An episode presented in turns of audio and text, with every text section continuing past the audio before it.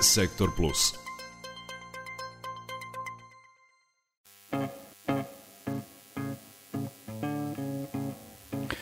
Da li je slučaj u Trsteničkoj školi kada je učenik izmakao stolicu nastavnici, a snimak osvanu na internetu šokirao javnost sa znanjem o nasilju u školama ili snimljenom scenom čiji je video veoma brzo postao popularan na društvenim mrežama.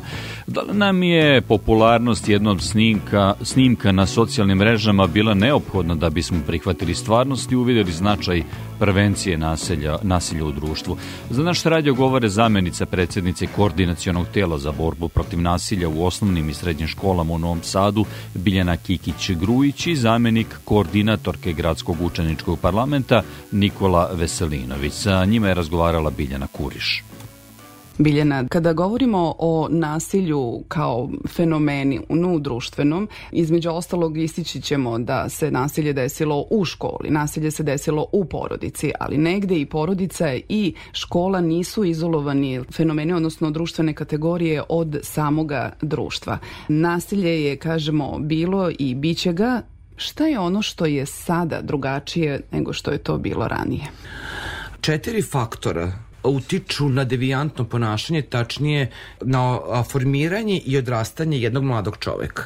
To su porodica, škola, vršnjačke grupe i mediji. Znači, ne možemo da izolujemo ni jednu i ako uzemo da sagledavamo poremećaje zaista u sve četiri kategorije, znači od medija pa do same porodice gde odrasta to mlado biće, vidjet ćemo da zaista imamo velike što ja kažem, arhitektonske mm -hmm. poremećaje mm -hmm i trešenja u, u sva četiri. A, to je sa jedne strane. Znači, ne možemo da izdvojimo samo školu ili samo porodicu.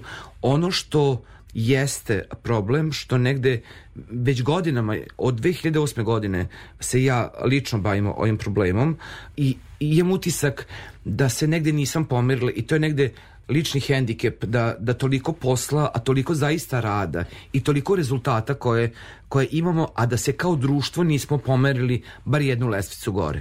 Ono što jeste i što negde samu sebe tešim u smislu da možda ipak nisam u pravu jeste ovo sa vaš drugi deo, što vi kažete vidljivost. Stalno slušamo nekim brojkama, znate, mm -hmm. statistika kaže da je, ne znam, na teritoriji grada Novog Sada, ono što mogu ja da vam kažem kao šef radne grupe koordinacijnog tela, da mi nemamo povećan broj nasilja u smislu većeg broja, znači cifri, ono što imamo utisak jeste da ga ima više zato što o njemu stvarno pričamo. Ono što je razlika sada u odnosu na prethodne godine ili recimo neki period kad smo možda mi bili srednjoškolci ili studenti da se o tome prosto nije pričalo. Znači i čak i, i neka diskriminacija koja se tada osetila, a verujte da jeste, svi smo mi negde svedoci i u školovanju i odrastanju da smo osetili, znači prosto o tome nismo pričali jer se o tome ćuti. E sada, empatija jeste u cyber prostoru mnogo vidljivija, tačnije nedostatak empatije je vidljiviji. Zato što sama svest da ćete vi tim snimkom, tom fotografijom, tim komentarom na bilo koji post ili bilo šta o čemu mogu da pričamo, napraviti nekom zaista ozbiljan problem ne postoji. Ono što je zabrinjavajuće, što je sve veći broj mladi, ja kažem dece i mladih, vrlo svesno ulazi u to nešto da bi upravo napravio problem. Znači ne, nisam znao ili nisam hteo, nego da, znam, da, hoću i hoću da lajkujem to, hoću da šerujem to, da bi se evo, toj nekoj grupi ili pojedinci napravili veći tako, problem. Tako, evo čućemo Nikolu. Nikola, kada pogledaš sadržaj nasilne prirode, šta prvo uradiš? Kako reaguje evo ti, tvoje društvo, okolina?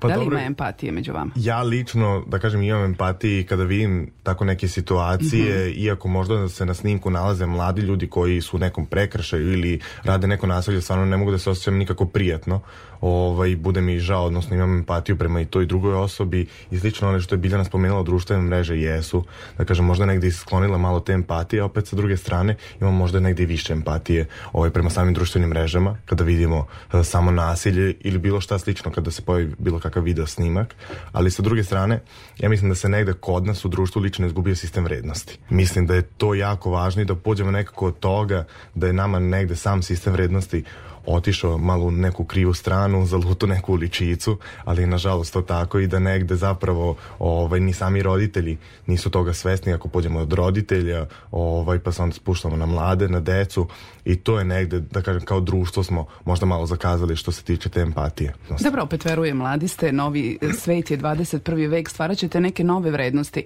Da li prijavite nasilje, bilo koji oblik nasilja?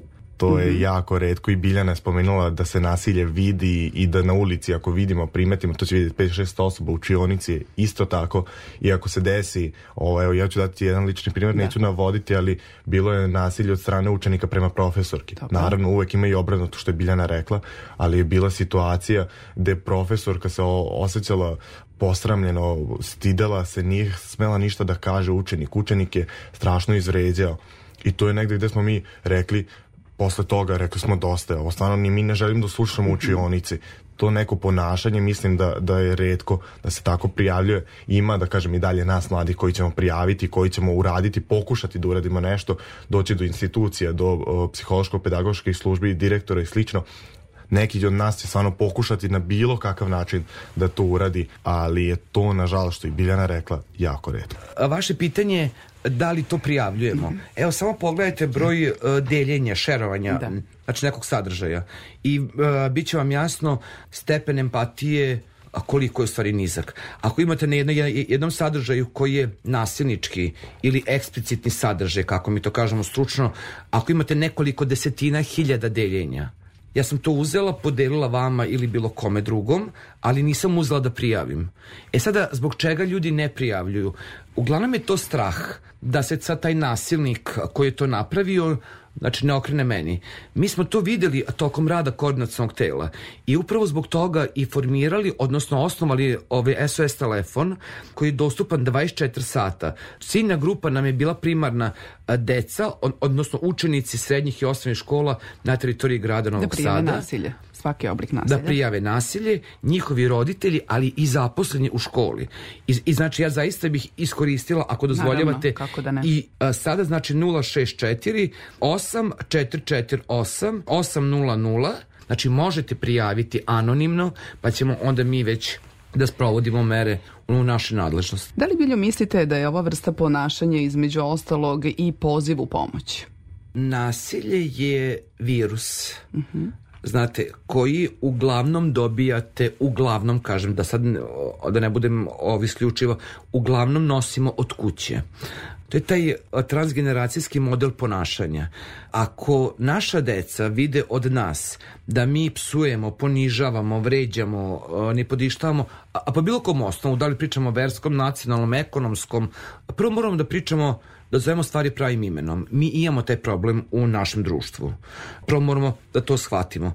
Onda, kad se uđe u rad deteta koje ima problem s devijantnim ponašanjem, a kad stručna služba krene da razgovara sa detetom, da razgovara sa roditeljem, da ulazi u neku anemnezu porodičnih odnosa unazad, onda u stvari vidimo uzrok zbog čega to dete ima takvo ponašanje. Ali s druge strane je to zaista vapaj i cimanje, što ja kažem za rukav, e, nas odraslih profesionalaca koji rade sa tom kategorijom stanovništva, znači deca i mladih, da mu se nešto dešava. E sad vidite ovako, ako imamo te iste profesionalce ne prepoznaju. Ja ne, ja ne volim i ne želim da mislim da postoje profesionalci koji vide, a ne žele da zaista ne želim da pomislim na to. Ako imamo dete koje ima već neke početke devijantnog ponašanja koje se mora ogledati već u vrtiću, tačnije predškolskom uzrastu neki oblik poremećaja on mora imati. Da li je to griženje, da li je čupanje, da li je guranje, da li je Znači nešto se mora detektovati. Ako imamo roditelja koji dođe na insistiranje psihologa ili vaspitača ili znači bilo koga iz ustanove, on kaže pa šta, kao i treba da se nauči da se brani, onda ćemo mi to isto dete koja sad ima pet godina i samo možda otima igračkicu drugu, imati za par godina dete koje će tu igračkicu da zameni nekim drugim hladnim ili vatrenim oružjem. Ne želim da plašim naše slušalce, ali ono što zaista, što moramo da sagledamo stvari pravim očima i da izovemo pravim imenima, da imamo roditelje koji su negde prezaštićeni u odnosu na svoju decu, koji ne vide problem kad ih zove vaspitač ili sutra učitelj, pa nastavnik, pa posle profesor, da da porazgovaraju da postoje neki problemi u ponašanju kod deteta ili pak imamo institucije koje vide ili primete to nešto, ali se prosto ne bave tim. I evo za kraj po jedno pitanje, Nikola, koliko vršnjačka edukacija može da pomogne? Pa vršnjačka edukacija mislim da je negde i zapravo cilj, moramo da pazimo, ja ću se samo malo nadovezati ovaj, na Biljanu, mm -hmm. uh, osoba koja vrši nasilje, sa njom moramo još više da radimo nego sa osobom koja, koja je zapravo trpela nasilje i to je, ja mislim, negde ključ našeg društva gde nismo svesni, uvek malo se više, da kažem, preusmerimo pažnju na osobu koja je trpela nasilje. Ne kažem da trebamo da je zapostavimo nikako, ali osoba koja je vršila nasilje, mislim da sa njom moramo još više da radimo da bi zapravo negde ovaj, dobili tu osobu negde, da sagledamo njen problem zašto, zbog čega i da vidimo na kraju ovaj, da ta osoba, da kažem, izađe normalna, ajde tako da se mhm. izrazim, ovaj, bez ikakvih daljih problema. Ali vršnjačka edukacija je broj jedan, mislim da se mi vršnjaci prvi obraćamo jedni drugima, nećemo se obratiti roditeljima, nećemo se obratiti tako. baki, detki, profesoru, imamo psihološke pedagoške, službe, ali redko ko odlazi u njih da prijavljuje problem, ovaj, ne kažem da nema, ali opet sa druge strane uh, vršnjačka edukacija, odnosno taj neki ključ prijavljivanja jeste opet kod samih vršnjaka. Uh -huh. A Nikola je inače i član koordinacionog tela za sprečavanje nasilja na teritoriji grada Novog Sada i mi smo zaista negde prepoznali da nam je potrebno da predstavnik mladih bude sa nama i da nam kaže iz njihovog ugla, jedan je ugao koji gledamo mi odrasli, a drugi ugao problema je a koji gledaju mladi, tako da mi zaista drago što smo negde i to uveli prvi u Srbiji, ja to zaista moram da kažem, pošto sam jako ponosan na naš rad i ono što je nam je u sledećoj godini, tačin 23. jeste upravo vršnjačka edukacija gde će onda predstavnici školskih parlamenta da u okviru svojih škola prenosi informacije, saznanje i sve ostalo što budemo radili sa njima. Ja vam zahvaljujem što ste bili gosti Radio Novog Sada. Gosti bili su zamenica predsednice Koordinacionog tela za borbu protiv nasilja u osnovnim i srednjim školama u Novom Sadu, Biljana Kikić-Grujić i zamenik koordinatorke gradskog učeničkog parlamenta Nikola Veselinović.